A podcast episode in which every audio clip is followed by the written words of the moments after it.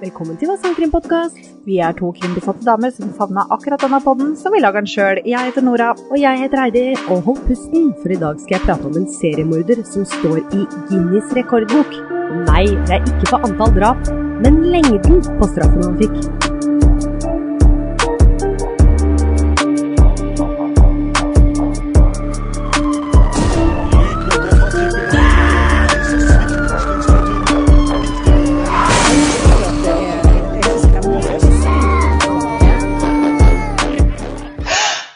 Hei, Nora. Hei, Heidi. Hei. Går det bra? Det går bra. Ja, Det går bra. Det går bra. Det er hyggelig. Jeg har faktisk bestilt sydentur, altså. Har du det? Ja. Hvor skal du?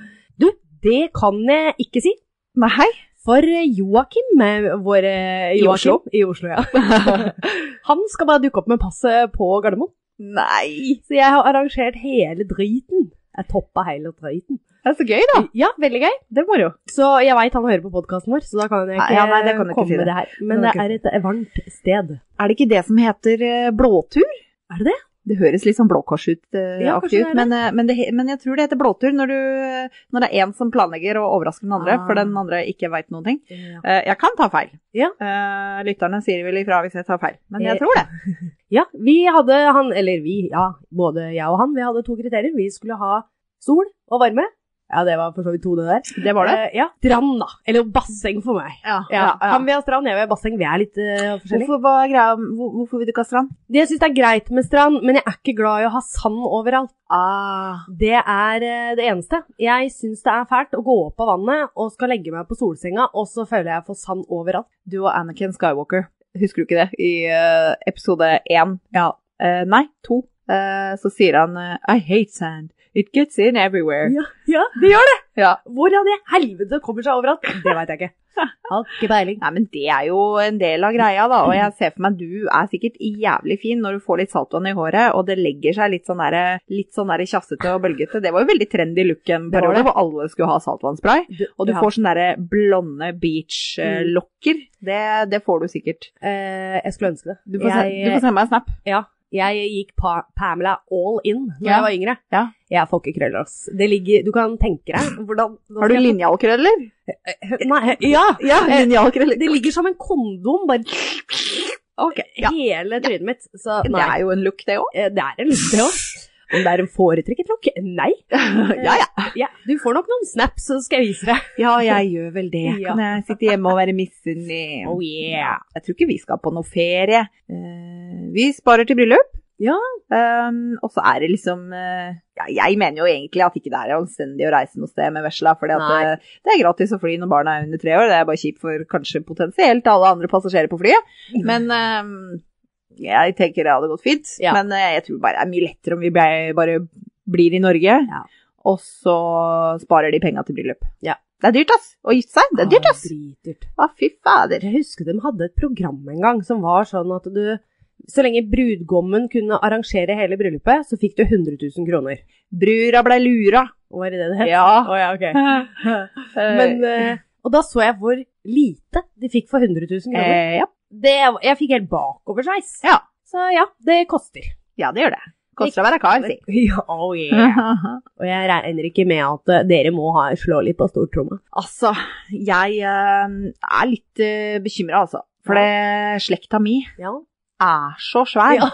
det er nettopp det. Er så svær. Ja. Eh, jeg har jo lyst til å be mine tanter og onkler. ja. Jeg har jo sju tanter og onkler. Oh, wow. Altså 14, da.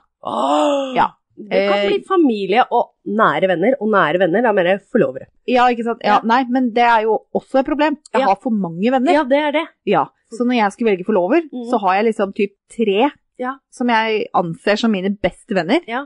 Eh, så jeg bare i, Nei, det blir søsteren. Ja, men det, Jeg kan ikke velge. Eh, Nei. Det går ikke. det er jeg helt enig. i. Klin mulig. Det er sånn som bestevenninna mi òg. Jeg sier at jeg er skuffa hvis ikke jeg blir forloveren din hvis du noen gang gifter deg. Men hun er jo bestevenninne med søstera si òg, så hun gjør jo kanskje det enkleste valget. Ved Selvfølgelig. å ta søstera si. Eh, og ikke si det. Det Nei. er, det er så press, vet det. og, jeg, Jeg og vet det er dritvanskelig. Og det å vite at du kanskje skuffer noen, liksom. Ja. Nei, og Men- samme med liksom bryllupsinvitasjoner. Jeg tar meg ikke nær hvis ikke jeg blir bedt i bryllupet til noen. Nei. Fordi at nå Nå skjønner jeg har du hvor sett det selv. dyrt det er. ja. og, og hvor vanskelig det er. Ja, Du, du må sette grenser. ja, ja.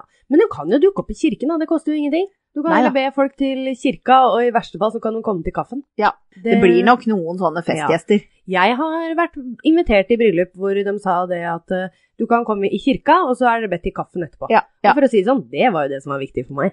Eh, ja. Eh, Eh, ja. Ikke kaffen, men den baren, kanskje. Ja. Ja. Ja. Mm, det ja, var- ja, ja. Det er jo liksom Altså, jeg må ikke sitte til middagen og høre på taler, jeg, altså. Jeg, Ja. jeg er ikke så vond å be. Kanskje du akkurat kvalifiserte deg til å Kanskje du rykka ned fra middagsgjest til kaffegjest, Heidi? Ja, Eh, det du går graver din egen grav her? Ja, ja. Det gjør Ja. ingenting. Gi meg noen single, mann. Ja, ja, ja, ok. Og en Ja, bar. eh, Ja, ok. Ja, gi meg en bar, da. Ja, Ja, Jeg er ikke så gravstor. ok. Nei, Vi, jeg- vi får se. vi får se. Ja. Dagens episode, den er jækla lang. Jeg valgte Ja, det helt stemmer. Du må feil. komme i gang. Ja.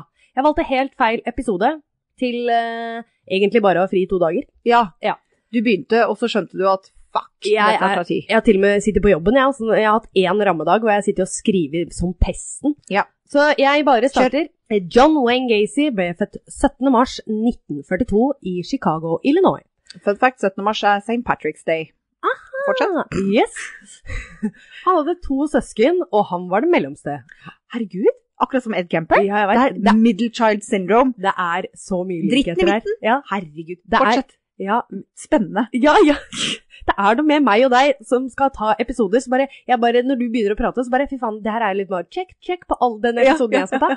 Ja. Gøy. Anyway, han var den eneste sønnen, da. Ja, Så han hadde ja, to søs søsk søstre. Akkurat som Ed. Faren, John Stanley Gacy, var bilmekaniker og tidligere første verdenskrig-veteran. Moren het Marion Elaine Robinson og var husmor. Eh, som vi har tatt opp tidligere i saker tilknyttet seriemordere, har de stort sett én ting til felles. Barndommen deres har vært tøffe, det kan være vold, misbruk eller annen form for svik. Hadde han en dominerende mor? Eh, nei, men faren er kanskje et annet problem her, Å, ja. Eneste som faktisk skiller John fra mange, var at han elsket dyr. Oi! Så der er Nei, det men i eneste han Alle skiller seg. dager. Ja. Under oppveksten hadde John Wayne Gacy et nært forhold til moren sin, og for så vidt søsknene sine. Faren derimot hadde store alkoholproblemer, og han ble fort voldelig i fylla. Selv om John gjorde alt eh, han kunne for å ikke irritere faren sin, søkte han, og han søkte selvfølgelig da etter omsorg og kjærlighet fra faren sin, Ja, ja. og være den sønnen som faren kunne være stolt av. Dessverre fikk aldri John denne godkjenningen fra faren sin. Det eneste han fikk slengt etter seg, var at han var dum og teit, og hvis moren gikk imellom volden, ble John kalt for en feiging og mammagutt. Stemmer. Mm. Han ble også veldig, i tillegg til banka, så ble han også veldig mobba av faren sin. Ah. Til tross for all mishandlingen var John fortsatt veldig glad i faren sin, men følte at han aldri var god nok. No shit, Sherlock. Mhm.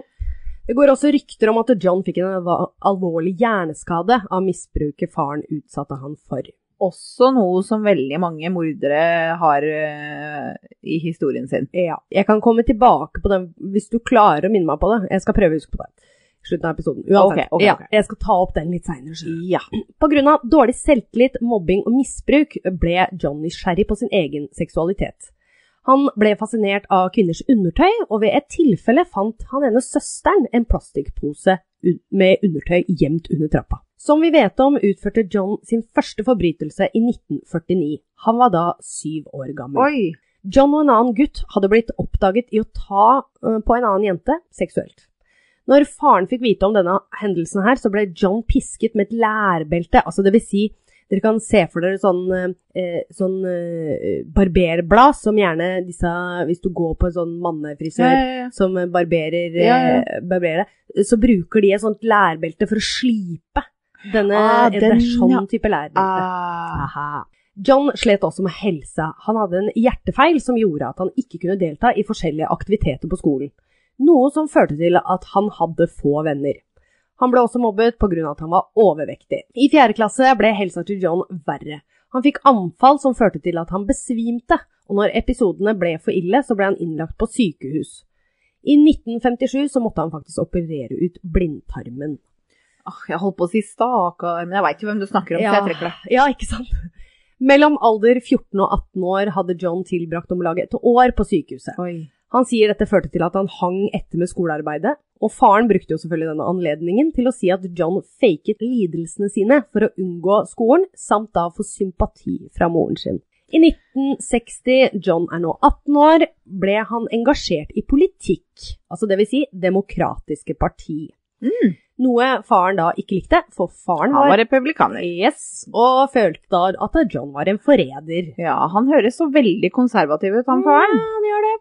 Dette året også så gjorde far noe snilt i gåsetegn. Jeg sier Jaha. gåsetegn. Han kjøpte en bil til John, eller med andre ord lånte bort penger til han. Eh, ok.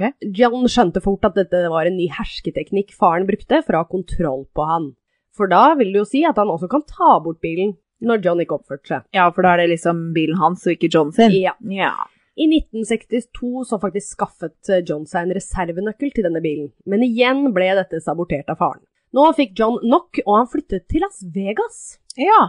Han fikk jobb innen ambulanseyrket før han ble omplassert til en jobb for et begravelsesbyrå. Oi. Mens han jobbet der, så sov han i en barneseng bak visningsrommet. Nei. Jo. Og dette Visste de det? Nei, det gjorde, de- Nei. det gjorde de ikke. Det var noen oppdaga etterpå. Jøss. Det vil si, dette visningsrommet her, da, det er faktisk eh, samme rom som de oppbevarer lik Ja, jeg regna med det. ja. Etter tre måneder med observering av hvordan man balsamerte de døde, eh, så hadde han jo også befølt seg litt på disse menneskene her. Men det, da følte han seg litt ekkel, så da flytta han hjem igjen. Lurt. Ja. På hjemveien bestemte han seg for å begynne på Northwestern forretningsskole, enda han ikke hadde fullført videregående. Men på en eller annen måte så funka dette, for han kom, han fikk plass, han. Som var i gamle der. Sånn var det i Det gamle var dager. bare å møte opp. Yes. John ble ferdig utdannet i 1963 og tok en lederstilling innan Bush skoselskap. Hva sa du nå? Han tok en lederstilling innen Det er en- et selskap som heter Nunbush. non-bush.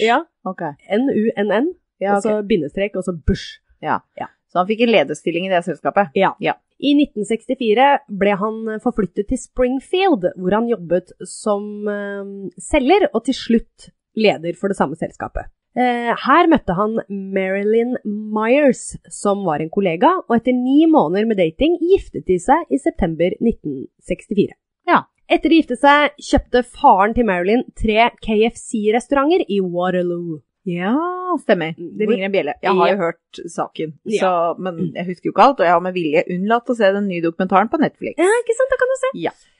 I hvert fall, paret flyttet til da Waterloo for å da drive noen av disse restaurantene her. Ja. I februar 1966 fikk paret sitt første barn, en sønn de kalte Michael. Så fikk de en datter de kalte Kirsten, eller Kristin, i 1967, Ja. altså året etter. På dette tidspunktet følte John at han endelig hadde blitt godtatt av faren sin, noe han også har sagt selv var den beste tida i livet hans. Jøss. Og han hadde faktisk fått også en unnskyldning fra faren sin. Nei. Ja, for faren er hadde det bare sant? Nå, nå ser jeg du har blitt mann av deg, du har liksom fått deg en jobb, kone, barn. Da er du på vei riktig steg. Ikke takket være han, tenker Nei. jeg, da, men Nei. I virkeligheten så levde John et dobbeltliv. Han var utro støtt og stadig med lokale prostituerte og begynte å bli ekkel mot sine ansatte. John likte å ansette unge menn. Han forteller selv at de var mer villig til å bli lært opp, disse unge mennene. Eh, Jaha. Folk begynte å legge merke til alle de unge guttene, og John la ikke skjul på at han likte å henge med dem. Han hadde til og med sin egen man- mancave igjen, da, hvor de hang mye sammen. Han hadde en tendens til å skjenke de unge guttene fulle før han prøvde seg på dem. Hvis guttene fikk panikk, så trakk han seg tilbake og sa det var bare en spøk. Han ville bare teste dem. Mm, Ja, ikke sant. Mm. Jeg bare kødda. Ja. I august 1967 begikk John sin første seksuelle anklagelse, som vi vet om. Ja. Donald Warhess var en 15 år gammel gutt som John lurte med seg hjem for å vise pornografi. John skjenket Donald full og tvang ham til å utføre seksuelle handlinger. Over de neste månedene tvang han flere unge kollegaer til å utføre akkurat det samme, inkludert en gutt han mm, oppfordret til å ha sex med sin egen kone, altså det vil si da han oppfordret denne gutten, til å Gutten til å ligge med kona si? Ja, Kona til John? ja, Marilyn da. Ja. Marilyn bare eh, Hva skjer nå? Ja, hun visste ikke om det her engang. Som han senere, da John brukte som en måte å utpresse den på. Åh. Ja. Men lå de, da? Nei, han eh, utførte oralsex med John, da. Jøss! Mm. Så han, Men ikke med Marilyn? Nei, nei, nei. nei, Nei, å nei, ok, ok. ok. John overbeviste flere av ofrene sine til å tro at han utførte disse handlingene for forskning, og han, John betalte dem faktisk 50 dollar hver. Jaha. I mars 1968 fortalte Donald sin far om hva John hadde gjort mot han, noe han rapporterte videre til politiet. Politiet arresterte John og siktet ham for seksuell omgang mot en mindreårig. Også en annen gutt med navnet Edward Lunch. Altså, det var to gutter det her hadde skjedd med. Mm. John Det var sa to gutter det her hadde skjedd med som hadde sagt ifra, mener du? Ja. For det- jeg tipper det er litt mørketall her. Mm. Ja, det er det mye av. Men jeg tenkte jeg måtte få med meg, for det var veldig mange steder de ikke nevnte han her. Nei, Så jeg nei. tenkte jeg må ta med navnet hans. Ja. Det er litt viktig for meg. Ja. John sa seg ikke skyldig og forlangte en løgndetektortest. Pålitelig, som vi Mm. veit. Mhm. Testen viser at eh, John er jækla nervøs under spørsmålene. Med andre ord så er jo han feiler jo den testen her. Og han gjør det, Ja, ja. ja. ja det digger jeg. ja. Sånn derre, ja, Jeg prøv da, forlanger det. prøv da. Ja. Ta en løgndetektortest, da. Og så bare Feil. Wow. Han gikk faktisk også ut offentlig og nektet skyld, og mente at anklagelsene mot han var politisk motivert. Jaha. 10. mai 1968 ble han tiltalt i saken, og videre prøvde han å overtale en 18 år gammel gutt, som han jobbet med, til å banke opp og skremme Donald, så han ikke turte å vitne mot John. Han skulle få 300 dollar for jobben. Ja. Den 18 år gamle gutten godtok tilbudet Ja. og lurte Donald til en isolert park, hvor han, overtal, nei, hvor han overfalt han, ikke, ikke overtalt, men overfalt, eh, med pepperspray, for så å banke han opp. Nå blir jeg litt irritert, for at eh, du begynte å si 18-åringen, han godtok tilbudet, han. Ja. Og så eh, så jeg for meg at du skulle si så gikk han til politiet. Nei, Nei det da. gjorde det ikke. Donald klarte å rømme fra dette stedet her, og anmeldte det hele med, til politiet med en gang. Så han er jo Mm, faktisk naturligvis. smart og per. Dagen etter ble den 18 år gamle gutten arrestert, og det tok ikke lang tid før han tilsto alt. Selvfølgelig. Og John fikk også et nytt tiltalepunkt på rullebladet sitt, eller hva du kaller det for noe. Tiltalen. 12. september ble John pålagt å gjennomgå en psykiatrisk evaluering på universitetet i Iowa, dvs. Si da et psykiatrisk sykehus. To leger undersøkte han over en periode på 17 dager, hvor de kom fram til at John led av antisosial personlighetsforstyrrelse, som er et pent ord for at du er en psykopat og en sosiopat. Ifølge legene ville ikke terapi eller medisiner hjelpe mot denne lidelsen, Du er sjuk, det kan ikke hjelpes. Nei. og at hans oppførsel mest sannsynlig vil gjøre at han får konflikter i samfunnet, og han ble også godkjent til å kunne gjennomgå en rettssak da helsen hans av at han var stabil, da, Ja, ja, mentalt ja, ja. stabil. 7. november sa John seg skyldig i ett av tiltalepunktene, men nektet for de andre. Han mente Donald hadde gitt tillatelse til seksuell omgang. Historien til John ble ikke trodd, og 3. desember ble han dømt til ti års fengsel. Samme dag søkte kona til John om skilsmisse. Takk, det var det jeg skulle spørre om. Mm. Yes. Hun forlangte hus, barn og bidrag, noe dommeren godtok. Eh, Naturligvis. Ja. Naturligvis. 18.9.1969 ble de offisielt skilt, og John så aldri sin første kone eller sine to barn igjen. Nei, er det sant? Hmm, litt trist oppi der. Eller det er ikke Altså, trist, men ja. Nei, men det var jo veldig spesielt, da. ja. Det er faktisk litt spesielt. Eh, ja, men altså, vi, vi veit jo hva som kommer, Ja, så jeg, kan tror jo det er skjønne bra. det. Mm. Men eh, det var litt spesielt. Ja. Mens John sonet, ble han sett på som en perfekt innsatt. I løpet av måneder var han ansatt som hovedkokken, og hjalp andre innsatte med jobber og prosjekter. Er ikke det litt typisk? Jo, veldig. De er gode på å assimilere seg. Sånne sosiale kameleoner, Mm. disse utspekulerte seriemorderne. Ja. John tok også utdanning i fengsel, eller kurs, som han da fikk diplom for i november 1969. Første juledag samme året døde faren til John av en leversykdom.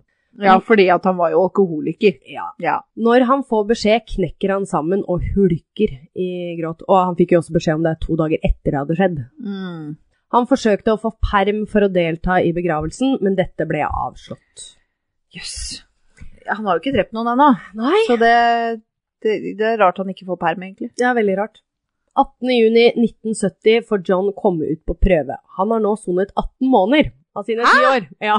Kødder du? Nei. Fordi jeg satt akkurat nå og tenkte at jøss, dette var veldig spesielt at man blir dømt så hardt ja. for en seksuell handling på Når var det? 60-tallet? Mm. Så tenkte jeg også det at Men det hadde det ikke blitt hvis det hadde vært en dame. For Nei. hun hadde sikkert bedt bedt om det. Ja. Fordi det er en mann. ja. Ja, for han vil jo ikke be om det. Han vil ikke kle seg i kort skjørt som, gjør at han- som rettferdiggjør en voldtekt, ikke sant. Mm. Så jeg tenkte det kunne ha noe med saken å gjøre, men jeg Ja. hører jo at de tar det like seriøst som Det gjør alt annet når de slipper den ut etter hva var det, 18 måneder? 18 måneder. Så, Ja da, så vi lar den synke litt inn hvis den ikke har synket inn før. 18 måneder. Betingelsene var at han måtte flytte til Chicago, hvor moren også bodde, og at han da hadde innertier til klokka ti på kvelden. Ja, ok. Slags husarrest-type greie. Husarrest, ja. Mm. Når han ankommer Chicago, flytter han inn til moren sin og får seg jobb som kokk på en lokal restaurant. Selv om John hadde sagt han aldri skulle tilbake til fengsel, tok det ikke lang tid før han gikk tilbake til gamle vaner. 12. februar 1971 blir han eh, siktet igjen for seksuell misbruk av en tenåringsgutt. Gutten sier at han har blitt lurt inn i bilen til John, hvor han kjørte de hjem i huset, altså huset til John, da. Her hadde Og John moren. og moren. Ja. Eh, her hadde John prøvd å tvinge gutten til å ha sex. Retten kastet saken da gutten aldri dukket opp i retten. Nei. Og en lignende sak skjedde også 22. juni. Så det vil si da ikke et halvt år etterpå engang. Ok, kom det noe ut av det da? Nei, for gutten dukka jo De blir jo flaue, ikke sant? Eller dem eh, ja, Jeg skjønner det, men tenk så mye som Ja. kanskje ja, kunne, gått ha- annerledes. Ja. Man skulle tro at dette er et brudd på prøvevilkårene, Eh, som rettssystemet i Iowa. Men de fikk jo aldri vise om de, disse sakene, og åtte måneder senere var Johns prøveløslatelse over. Så da har han ikke noe på rullebladet sitt lenger, da, vet du. men, men han har det vel på rulleblad? Ja, jo, han Ja. har det på rullebladet, men det er fortsatt litt sånn lokka, Ah. sånn som du prata om eh, forrige uke. ja. Låst for innsyn, liksom. Ja. Mm. For når vi kommer lenger i saken, så dukker aldri den der opp på rullebladet sitt. Med økonomisk støtte fra moren sin kjøpte John seg et hus i byen Nordic, altså Cook County. ja, for nå var han ikke nødt til å bo med hun lenger, liksom. Nei. Nei.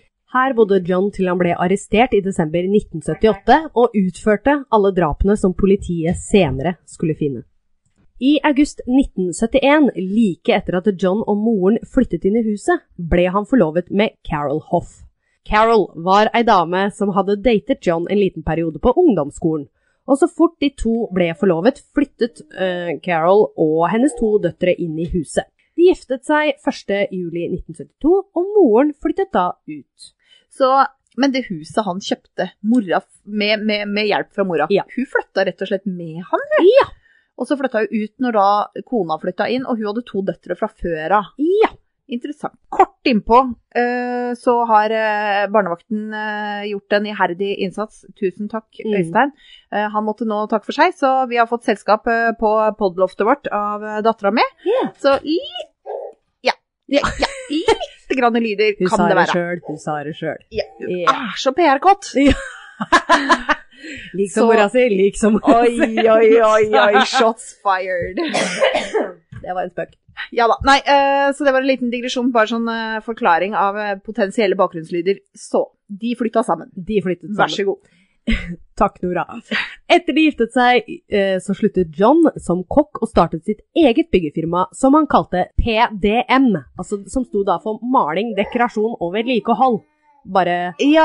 ja, på, mm, på engelsk, da. mm, ja. Men Painting. Ja, ha- altså, hadde han noe som helst kvalifikasjoner Nei. til å gjøre det? Han har jo vært kokk! Ja, Og han, har, han tok noe utdanning i på, I fengselet så tok han, han Ja, tok men han, han gikk jo noe Ja. universitet også. eh, business.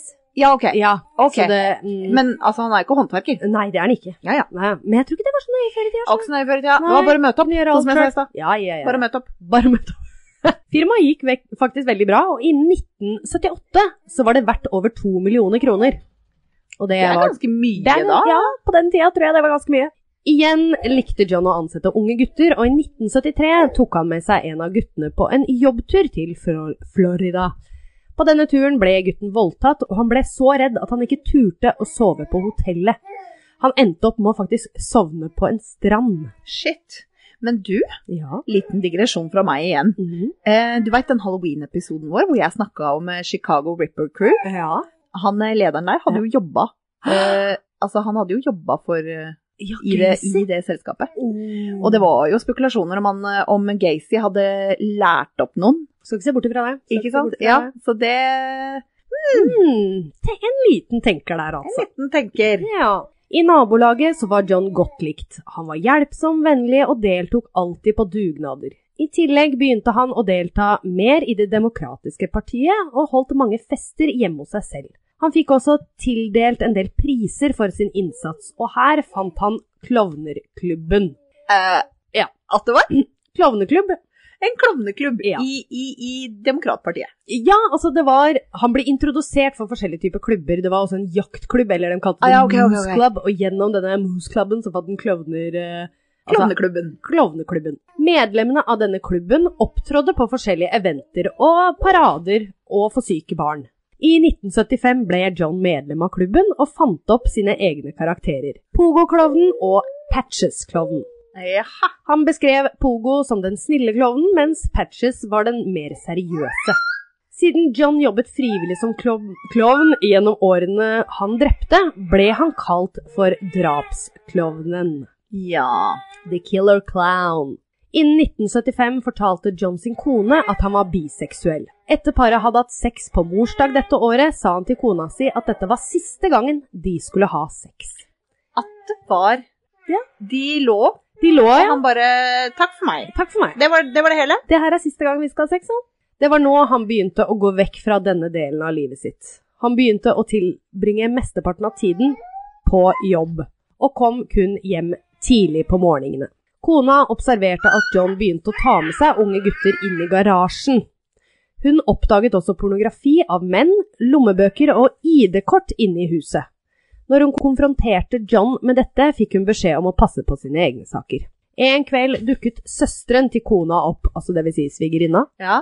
Jeg sleit lenge med å finne ut hva det Jeg bare What the fuck, hva er det for noe?! Og så bare ah, svigerinne. ja, Svigerinne. ja.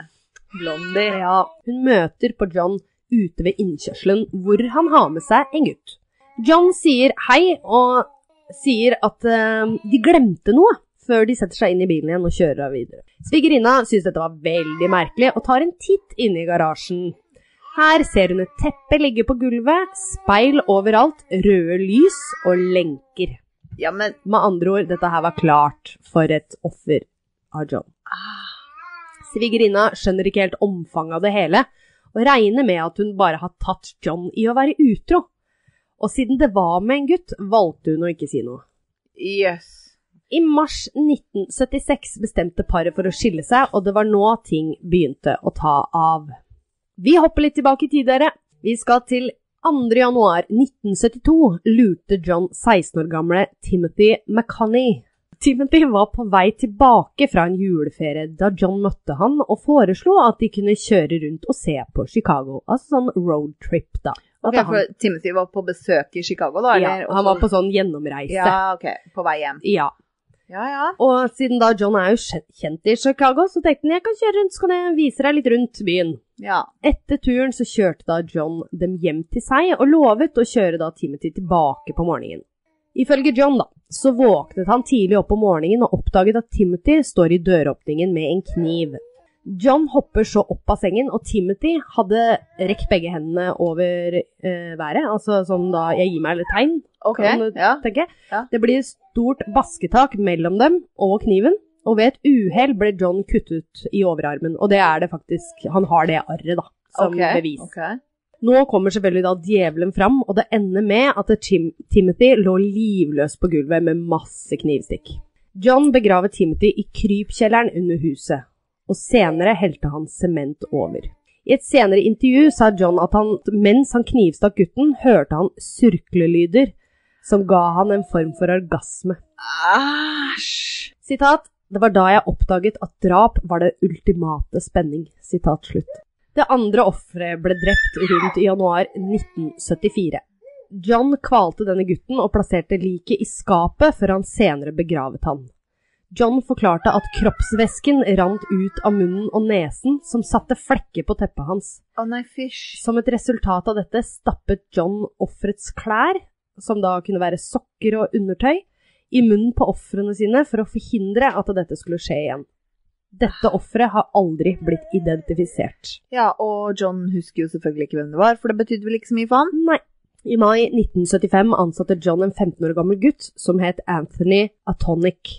To måneder senere skadet Anthony foten sin, og dette så John på, si, eh, på sin side som en mulighet.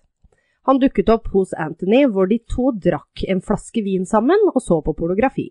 Ut av det blå kastet John seg over Anthony, og de to begynte å bryte. Det John ikke visste, er at Anthony er profesjonell bryter. Aha. John klarte å få på Anthony håndjern, og dette er noe som går igjen i de fleste ofrenes saker, eller de som har sluppet unna i livet. Det er et magisk triks som John brukte. Det var Han tok på seg håndjerna først sjøl, og så Ja. sier han 'se her, ikke sant, eh, nå skal jeg vise dere et magisk triks', og så Ja. klarte han å få dem av sjøl, Ja. og så satte han de på ofra sine, og da var det gjort. ja, ikke sant. For John hadde jo nøklene, Ja, og han eh, kunne litt eh, triksing siden Mm. Ja, han ja. var klovn. ikke sant? Ja. Han hadde jo klart å fått på disse Anthony, dette håndjernet her. Eh, rundt den ene armen med håndjernet var også løst, så han hadde klart å fått på den ene armen, men den andre armen da var litt løst, det håndjernet der. Å ja. Anthony klarte å komme seg løs, mens John var da ute av rommet. Ja. Når John kommer tilbake, ble det et basketak igjen, og denne gla- gangen klarte Anthony å sette håndjerna på John. Haha.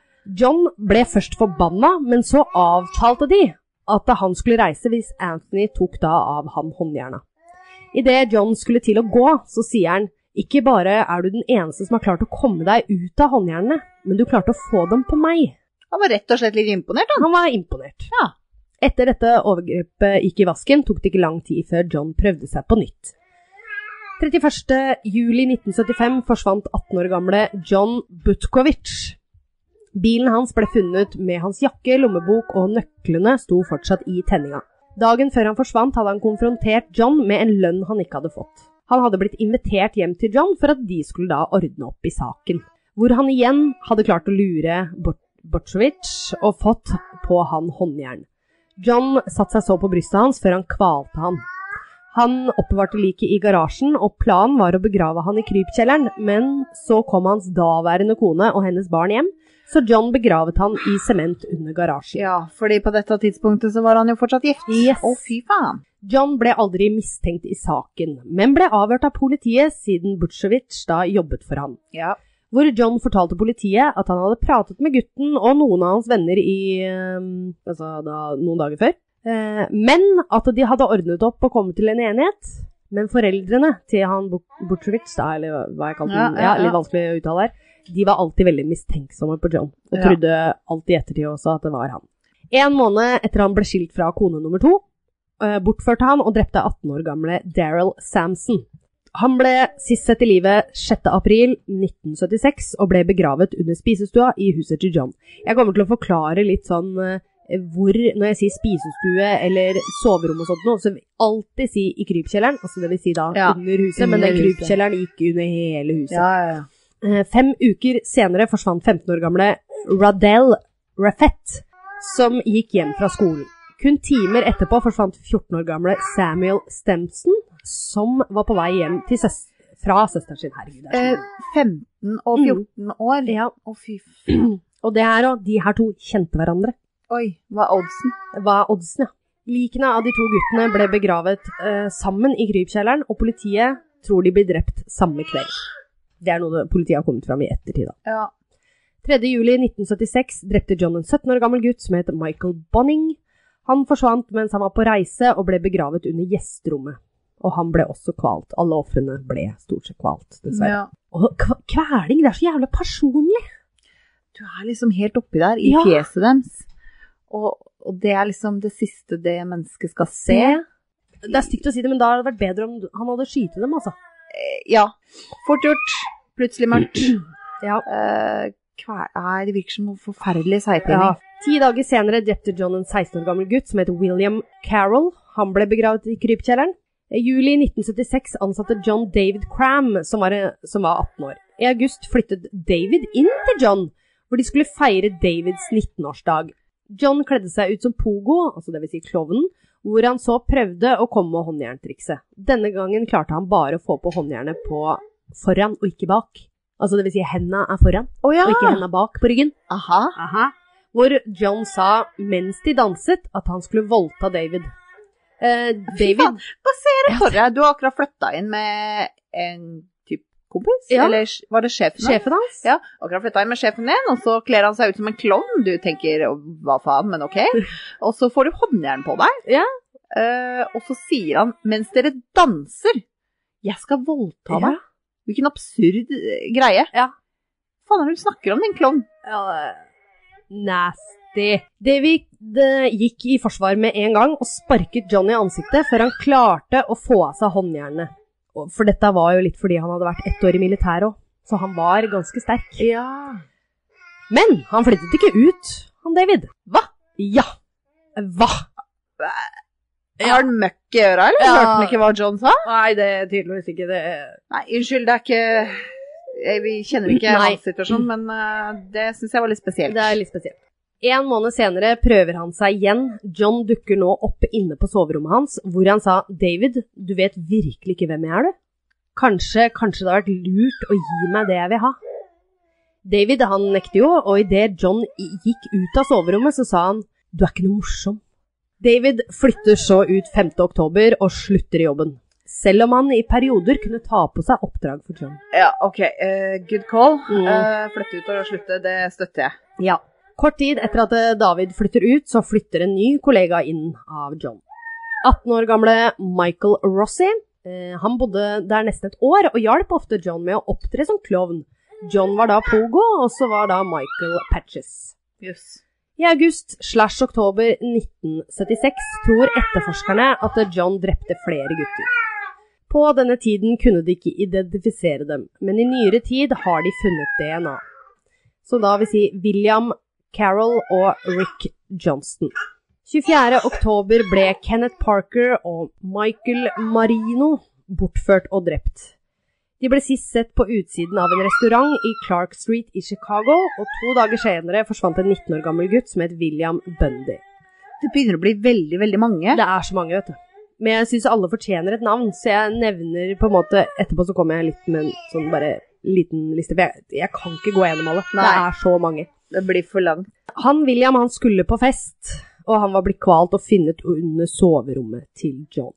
Mellom november og desember drepte John 21 år gamle Francis Alexander. Han ble funnet i krypkjelleren under kontoret til John. I desember så forsvant en annen ansatt av John, 17 år gamle Gregory Godsick. Han ble sist sett etter å ha sluppet av kjæresten sin etter en date. Familien ringte John for å høre om han hadde hørt noe, hvor John svarer da at han har fått beskjed på telefonsvareren sin at da han skulle reise vekk. Når familien spør om de kan høre på denne beskjeden, så sier John «Ah, du, den er sletta. Ja, Ja, selvfølgelig. selvfølgelig. Januar 1977 lurer John med seg en 19 år gammel gutt med hjem. John Slike, Slitch, Slitch, et eller annet sånt, sånn, skulle selge bilen sin til John, men i virkeligheten skulle han bli drept. Hva- Hvordan staves det etter navnet? Ja. Kanskje jeg kan hjelpe deg? Ja. S-Z-Y-C. Tjukk, kanskje? Tjukk, tjukk, ja. Vi tar tjukk, vi. Tjukk ble kvalt og funnet under gjesterommet. Bilen solgte han senere til Rossi. Det Faen, var da han, han beholdt bilen hans, og så solgte den seinere? Ja. Han er jo ikke redd engang! Nei, ikke i det hele tatt. Og han Rossi, da, det er han siste som bodde hos John. Ja. og dette var for 300 dollar. To måneder senere, 15. mars, forsvant en 20 år gammel gutt. John Preston, nei, unnskyld, Prestington, Prestington, ja, ble sist sett eh, forlatt, eh, nei, unnskyld, han ble sist sett forlatt en restaurant, og ble funnet begravet oppå Francis Alexander i krypkjelleren. Altså, de ble stabla, altså. ja. Ja, altså det er jo såpass mange Mm. nå at han Ja. eh, går ikke i bredden, så går i høyden, liksom. Ja. I tillegg drepte John en uidentifisert gutt og begravde ham på samme sted. Tidlig sommeren 1977. Nøyaktig vet man ikke. I mars ble John ansatt for et firma som heter PE Systems. Dette gikk ut på å pusse opp apoteker. Har han nå lagt ned firmaet sitt, da, eller? Eh, nei, det har han Å, nei. ikke. Men han ha, tok på seg prosjekter, da. Så det er det her jeg vil kalle for et prosjekt. Ja. Selvfølgelig, den eh, nye stillingen her ga jo John muligheten til å reise mye, som da også kunne gi ham flere muligheter til å møte nye unge gutter. I april så ble John forlovet med ei jente. Men i alle dager! Han der er rundt overalt. Altså, her sliter man med å finne seg én partner i livet, og Ja. så har han funnet seg tre? Ja, Han derre der? han ble forlovet med ei jente som ku- han kun hadde kjent i tre måneder. Men dette var kortvarig, og det bestemte seg for å gå hver for seg. Bra heie på hun jenta. Ja. 5. juli ble 19 år gamle Matthew Bowman drept. Han ble sitt sett på en togstasjon. Samme sommeren ble Rossi arrestert for å ha stjålet drivstoff mens han kjørte rin- eh, rundt i hans Sykes bil. Jeg kaller han Sykes, det er litt stygt å si. Eh, Han, han het John, da. Men det er, liksom, det er så mange John her. Det Ja, var ja, derfor ja. jeg tenkte jeg skulle bruke etternavnet. ja. Ja, Er ikke det stygt, det? Han heter vel Slicks. Sark? Ja, da? Sykes, Slicks, ja. Å ja. Hvordan skrives det, da? Ja, det var den derre S-settet, Å ja, Y-settet, å ja, nei, å ja. C-en. Ja. Chick, som jeg kaller den. chick, ja. Det må jo være noe Ja, det er- polsk eller noe. Ja. Eh, De som jobbet på bensinstasjonen, noterte ned registreringsnummeret på bilen, og politiet sporet bilen da til Johns hus. Ja. Når John ble avhørt, eh, så sa han at eh, han andre John, da, som eide denne bilen, som er død, Ja. han Sykes-fyren, hadde solgt han bilen fordi han hadde trengt penger til å forlate byen. ja. Politiet etterforsket ikke saken nærmere, men informerte moren til Sykes om at han hadde solgt bilen sin. ja.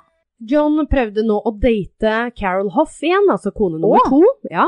Og ut året 1977 sies det at John drepte seks gutter i alder 16 til 21 år. Jeg skal liste opp de, så sier jeg bare navn og alder. Robert Gilroy var 18 år. John Mo Movery var 19 år. Russell Nelson 21 år. Robert Witch 16 år. Tommy Boiling 20 år. David Talsma 19 år. Tok hele dritten. Forferdelig. Alle ble kvalt, mest sannsynligvis voldtatt og begravet i krypkjelleren. Men han voldtok ofrene før han drepte de, eller?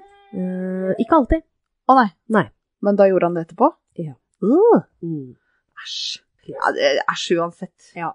30. desember bortførte John en 19 år gammel gutt, Robert Donnell, fra en busstasjon. Han fikk en pistol mot hodet, og Robert ble kjørt hjem til huset, hvor han ble voldtatt, torturert og konstant slått i huet inn i badekaret til han besvimte. Fy faen. John kom med spydige og skremmende ord som eh, Spiller vi ikke morsomme spill i kveld? Nei takk, John. Nei. Jeg st- tror jeg står over det. Ja. Robert vitnet senere i rettssaken mot John, hvor han var i så store smerter den dagen det her skjedde, da, at Ja. han faktisk ba John om å drepe ham. Åh, shit. Og så gjorde han det ikke. Nei. Det er jo helt utrolig. Ja, og John han hadde faktisk svart bare Jeg kommer snart dit. Ja. Barmhjertige John. Etter mange timers tortur kjørte John han til arbeidsplassen sin og lot han gå. Men han ble advart om å ikke gå til politiet. Robert rapporterte hendelsen til politiet, og politiet avvarte John 6. 6. Unnskyld, januar 1978. John innrømmet å ha en form for sexslave-forhold med Robert, men insisterte på at det var med samtykke. Det, han blir ikke trudd. Sier han ikke blir trudd. Jo da, politiet trodde på saken de, og lot Nei, dem dø. De bare Ja, disse homsene, de får jo styre på. Ja. Det var litt sånn. Og han var så høyt eh, verdsatt i kommunen og byen, da. At de trodde jo ikke at eh, John ville gjøre noe sånt Nei, men med Sånn han. for faen, han er jo bare en klovn. Han er jo underholder i bursdager, og Ja, han er jo men bare han gjør det morsom. Han gjør det jo for Politiker er barne- han. Ja, Ja, ja. ja, ja. Og han gjør dette gratis, vet ja, du. ja. En, Alt en eh, upstanding citizen. Yes. Måneden etter drepte han igjen, da 19 år gamle William Kidred, som sist ble sett av forloveden sin. William var det siste offeret som ble begravet i krypkjelleren. Det var ikke plass til flere døde kropper der Å, nede. fy faen. Så nå måtte han finne et nytt sted å kvitte seg med likene på. Han vurderte loftet, men kom fram til å kaste det i en elv. Et par gutter ble funnet i elva, og det var Timothy O'Roke, 20 år gammel, og Frank Landing, 19 år gammel. 21. mars bortførte John 26 år gamle Jeffrey Rignall. 26 år, skulle nesten tro han var litt for gammel Ja. for sånn, faktisk. Ja, faktisk. Så fort Jeffrey hadde satt seg i bilen til John, ble han bedøvet med kloroform og kjørt til huset. Her blir armer og hode låst inni sånn gapahuk. Å, shit! Ja. Sånn eh, gapestokk. Ja, takk. Sånn derre- ja, sånn. ja, takk. Det er ikke Ja, bare gapahuk. Nei, det er sånn du nei. lager på skauen. Ja, takk. Gapestokk. heter det. Gapestokk. Jeg visste at det var noe med gap. Ja. ja. Eh, ja, jeg har til og med skrevet det i parentes her, hvis det er det det heter. Du kan alltid stole på Åh, meg til ja, rette jeg på kan det. det. Det er det som er så godt. Videre så blir Jeffrey voldtatt, torturert og dopet ned på nytt, før John bestemmer seg for å dumpe han i Lincoln Park. Bevisst, men i live. Oi. Når Jeffrey kommer til seg selv Bevisstløs, men i live. Ja, unnskyld. Ikke sant. Ja, Bevisst, men i live, var det det jeg sa? det var det du Ja, sa. ok. Bevisstløs, men i live. Bevisst, men ikke død, liksom. Eh, Ja. Når Jeffrey kommer til seg selv, så klarer han å krabbe tilbake til kjæresten sin, tenkte jeg. Ah, shit. På grunn av all den kloroformen han har blitt utsatt for den dagen, har leveren hans fått varig men. Eh, Kan man få det av kloroform? Ja, tydeligvis. Det visste jeg ikke. Nei, det visste ikke jeg heller. Oi, oi, oi. Men tenk deg hvilke mengder som må til, da. Ja, Ikke at jeg veit noe om det, men Nei. wow. du, ja. Hendelsen blir rapportert til politiet, men ingenting blir gjort. John har nå drept ufattelig mange personer og skadet mange for livet. Selv om han ikke hadde blitt oppdaget ennå, så visste han bare det var snakk om tid før sannheten kom fram. Han har litt sjølinnsikt. Det har han faktisk. 11. desember besøkte John et apotek for å diskutere en potensiell oppussingsprosjekt. 15 år gamle Robert Paste jobbet her deltid. Og John nevnte for ham at han kunne tjene dobbelt så mye hvis Robert kom og jobbet for han. Og det vil si da at han skulle få fem dollar timen, og det var mye på den tida. Ja. Kort tid etter at John hadde reist fra apoteket, dukket Roberts mor opp. Hun skulle hente sønnen fordi de skulle feire bursdagen hennes sammen. Robert spurte så moren om hun, hun kunne vente litt, for han hadde fått et jobbtilbud. Og Robert forlot da butikken eh, klokka ni på kvelden, og kom aldri tilbake. Fy faen. Innen klokka ti så var faktisk han død. Han var kvalt, og så var han dumpet i elva Det, av men John. det, men det nå, nå begynner han å skjønne at kanskje han kommer til å bli oppdaga etter hvert, og det Ja. er ganske vågalt. Ja. Når, når mora hans kommer og liksom Ja, vi skal feire bursdag, liksom. Mm. Og så, ja, bare vent litt, og så drar de sammen, og så blir han aldri mer sett. Jeg bare tenker, da, er du, da virker det ikke som du er redd for å bli oppdaga likevel. Nei. Nei, og et av bevisene her òg, da, som du kan se i Netflix-dokumentaren om den saken her, Ja. så er også hun ene s- Jeg veit ikke, farmasøyt? Er det det det Farmasøyt, heter? ja. Ja. Mm. Hun ene som jobba der sammen med han Robert, ja. hadde fått Det var en à la kvittering eller noe sånt noe som egentlig busta hele saken, Åh. som han John hadde kasta fra seg der. Oi. I søpla. Som Jøs. hun hadde funnet. Det var noe sånn Jeg tør ikke helt å si om det var Hun- kvittering, hva det var, men det var et eller annet som det, det er i hvert fall noe som var funnet også hjemme hos John, som linka de sammen. Hun var det tidspunktet. veldig våken, hun farmasøyten. Veldig våken. Når Robert aldri kommer hjem, meldte de han savnet til politiet, altså familien hans da. Flere vitner kommer frem og forteller de at de har sett John ved apoteket. John nekter for å ha noe kontakt med denne gutten, men denne gangen merker politiet at eh, noe ikke stemmer. De begynner å forfølge John sine bevegelser 24 timer i døgnet, Åh. og de undersøker huset hans også. De var da redd for at eh, han skulle ha gjemt Robert der, at det kanskje Robert var i live. Men de fant ingenting. Noe som utviklet seg til å bli en slags lek for John, altså en slags katt og mus mellom da politiet, de som overvåka han da. Han var hyggelig til og med, og s- de som spant på han, og han inviterte de gjerne med seg inn, og han lagde mat for dem og kom ut med kaffe, og han så på dette som en, eh, Jeg er veldig glad for at de begynner å kikke på han, Ja. men eh, ja, hva kommer av dette? Nei, det er det, da. Under et av besøkene i huset, som politiet da kommer inn, spurte den ene politibetjenten om han kunne låne toalettet. Noe John da selvfølgelig sa ja til, og gjennom ventilasjonssystemet i huset så kunne politibetjenten kjenne lukten av død. Ah, den umiskjennelige lukta. Ja. På grunn av dette fikk de et grunnlag for å søke om ny ransaksordre, og det skal faktisk ganske mye til å få en Få nummer enda to. en, Ja, ja. da skal du ha mye bevis. Ja, det har de jo ikke. Det er bare luktesansen til han ene. Ja, Veldig bra Og jobba. det sier dommeren òg, at jeg trenger mer bevis. Ja. 20.12. hadde John et møte med sine advokater, og dette var i forhold til at eh, disse som spana på han, de dro han jo litt vel langt, kan du si. Å ja. Ja, Så det var det at eh, han ville, jeg vet ikke om du sier saksøke politiet, men han kunne, han kunne gå rettens vei, da, for å få noe penger kanskje, eller noe støtte, eller ja. For det har liksom plaga han eh, unødvendig mye. Ja. På dette møtet så skulle han også prate da om det private søksmålet, for det var jo søksmål mot politiet der. Ja. John dukket opp sliten og utmattet og spurte om et eh, glass med alkohol. Det hadde jeg ikke gjort hvis jeg skulle i avhør, kjenner jeg. Nei. Mens han sto i resepsjonen, tok han opp et magis magasin hvor det var bilde av Robert Pearce på, på forsiden, hvor det sto 'savnet gutt'. Oi. Han kastet magasinet ned og sa at 'den gutten er død'. Ja, det veit han vel. Han befinner seg i elva. Faen, det. Mm. Var det noen som hørte han? Ja. Advokatene ble sjokkert og spurte hva han pratet om, hvor John tilsto alt. Hva? Ja. Bare sånn plutselig bare Ja. I alle dager. Ja, denne samtalen varte så lenge at John til slutt han sovnet på kontoret. Og advokatene vet ikke helt hva de skal tro, og de bestilte en konsultasjon med en lege for å da få en psykiatrisk evaluering. ja. Og de prøvde å holde den på kontoret så lenge som mulig. Men eh, dette var eh, advokatkontor og ikke Ja. politikontor? Ah, Nei, dette var ok, advokat. ok, ok, ok. kontor. Når John våkner opp, husker han ingenting fra kvelden før og forlater eh, kontorbygningen.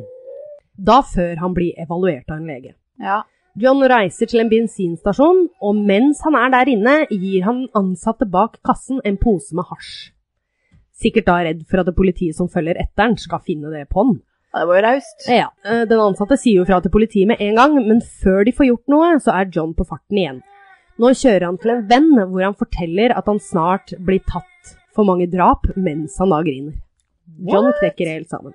Etter dette så reiser han eh, til de to ofrene sine som overlevde. Det vil Ja. si da Rossi og David Cram. Ja. De to som bodde hos den, for Ja, de av dere ja. som ikke husker alle de navnene jeg ramsa opp nå. Eh, Nei, Nei. eh, jeg er eh, blant de, men ja. ja. ja, ja, Hvor han da prater litt før han da reiser videre. David Ringers, Ringer, David Ranger. D David Ringer fra politiet, og sier at John nettopp har tilstått og har drept opptil 30 personer. Wow. Og at advokaten hans også vet om det. Ja, og den derre konfidensialiteten som er mellom eh, advokat, Advokat og og, klient, Ja. den strekker seg ikke så langt. Nei. Og John han visst hadde tydeligvis ikke så jævlig dårlig hukommelse heller, da. For han mente jo at han ikke huska en dritt, han, at han har fortalt det her til advokatene sine. Det huska han jo tydeligvis. Ja.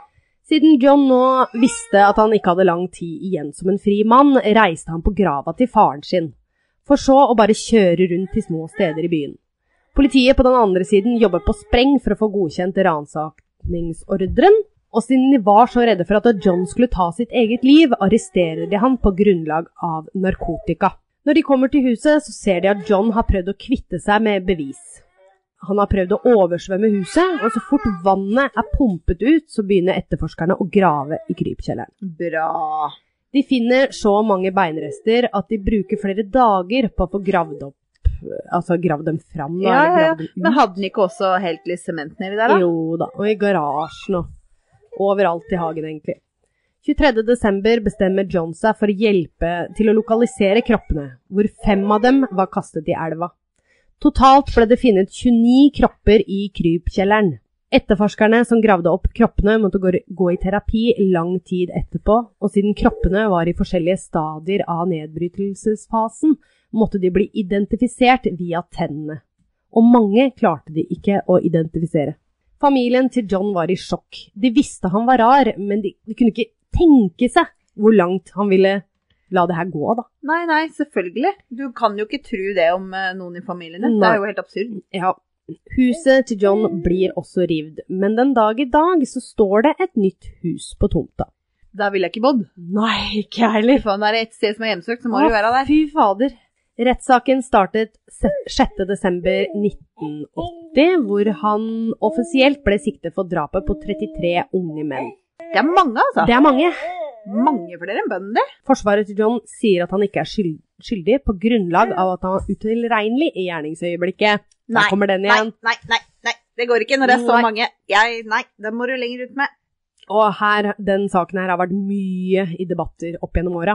John ble evaluert av mange leger, og de fastslo at han var frisk nok til å delta i rettssaken. Psykisk helse var vel ikke så godt utreda på den tida, eller, tror jeg? Nei. Nei. Det tok juryen to timer å drøfte, og han ble fylt skyldig i alle 33 drapene. Juryen anbefalte også at John burde få tolv dødsdommer. Tolv? Tolv. Ja. Henrettelsen skulle gjennomføres 2. juni 1980. Oi.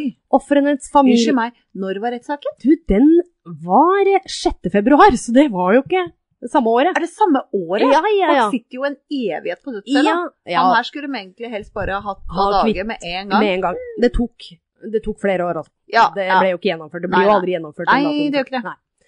Offerets familie ble glade over dommen, men én ting eh, som gjorde dem forbanna, var oppførselen til John. Han viste ingen form for anger, og de synes eh, Og han, unnskyld, syntes mer synd på seg selv.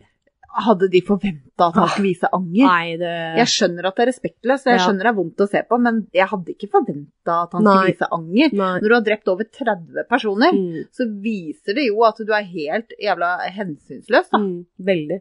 Når eh, John endelig satt bak murene, prøver han i flere år å anke saken sin, og ga ut en del intervjuer.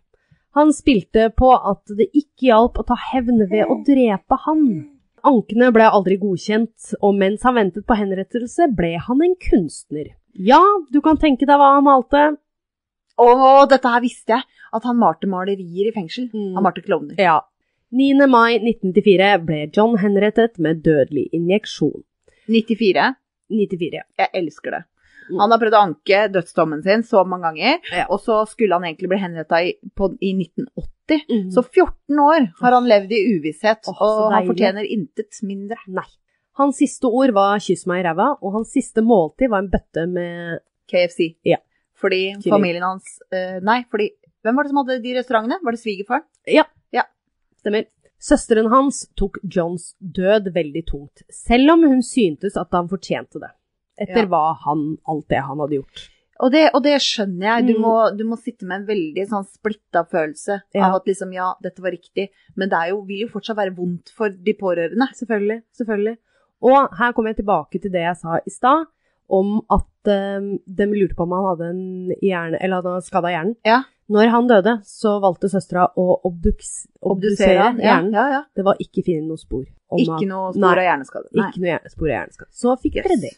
Av de 33 ofrene vi vet om, er fem enda i- ikke identifisert. Nei. Det blir de sikkert aldri. Nei. Og de klarte jo med én, da. Og det var faktisk i 2021. Ja. Så klarte de å identifisere én via DNA. Så Oi! de har gravd opp, for de fikk jo sine egne graver som staten da dekka. Ja. Så de fikk en skikkelig flott begravelse. Ja. av- Det var jo stort sett bare politi, da. Men på denne tida her, hvor alt det her skjedde, så ville ikke folk tro at deres sønn som hadde rømt Selvfølgelig hjemmefra, eh, var homofil. For det ble jo sett ned Å på. ja! Ja, for det er jo en greie òg, Ja. selvfølgelig. Ja, det tenkte jeg ikke på. Nei. Men unnskyld meg, du må ikke være homofil for å bli voldtatt. Nei. Eh, så Nei, det var jo flere her som var eh, sammen med jenter, forlova ja, med ja, jenter. ja, ja. Så det der er helt eh, Ja. irrelevant. Ja. Men ok, jeg skjønner konservative familier, kanskje det er Ja. viktig. De har i hvert fall gravd opp de gravene og skaffa DNA på alle sammen, men det mangler da at folk har etterlyst dem.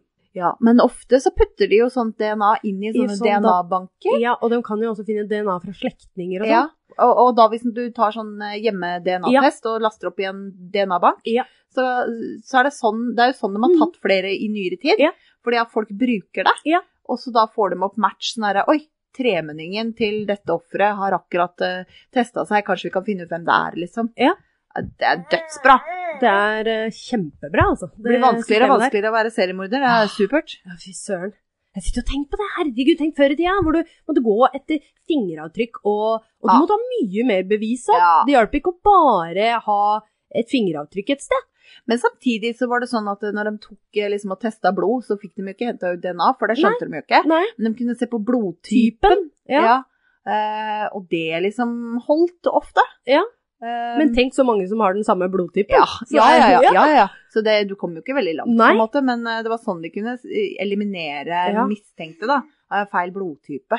Ja, Men, altså, eh, du, må- du måtte ha så mye før, husker jeg. Det var liksom, du måtte Men liksom tenk før de, blodtypen og- før de kunne teste det òg. Ja. Fader, ass. Det er Herregud. ikke rart at f.eks. Jack the Ripper aldri Nei. ble tatt. Nei, nei, nei. Du må ha bokstavelig talt en tilståelse der. Ja, altså, fra eller, vedkommende eller selv. se det i Ja. skje, liksom. Ja. Ja. Nei, forferdelig sak, dere.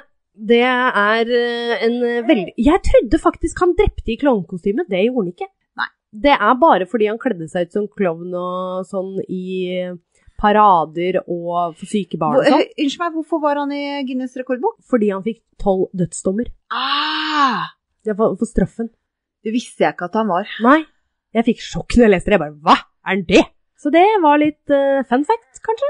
Ja. Ja. Jeg gleder meg til å se bilder. Eh, Ja. Har du, Fins det bilder av han i kostyme? Ja, selvfølgelig gjør det det. Og bilder av maleriene hans? har jeg Eh, også lyst det til å se. skal jeg også finne. Ja. Ja. Jeg får nok ikke ta Altså, det er ikke plass til alle ofra, dessverre. Nei, nei, nei, det går ikke an. Eh, Nei. Så jeg får se hva jeg finner. Og så Jeg har en sånn maks, tror jeg, på ti bilder eller noe sånt. Det er i hvert fall ikke på Facebook, men på Instagram så er Ja. det maksbilder. Ja. Så jeg kan dessverre ikke legge ut alle, men man kan google det. Vi ser, jeg ser hva jeg finner. Du finner i hvert fall bilder på både Instagram og Facebook på Hold pusten pod. Yes. Yes. Så har vi fått inn noen gode tips i det siste også. Jeg tenker Neste gang kanskje vi skal ta en liten shout-out til de som har skrevet til oss. For Ja, det det, kan vi er, gjøre. det begynner å samle seg opp Ja. en del. Men din episode er så lang, så vi kan Ja, ikke gjøre det nå. Nei, vi kan ikke gjøre det nå. Vi Hva har er vi holdt på på? over en time. Å, faen. En time og ti minutter. Det er ikke rart at vesla er litt utålmodig. Nei, det er lov. Hun har akkurat funnet stemmen sin også for alvor, som dere hører. Ja. Til alles glede. ja. Er det noe du har på hjertet? Og da ble det stille. Det Ah, er så bra. klassisk, det. Ja. Nei, men vi ses om en uke da, Nora. Det gjør vi. Ha det. Ha det.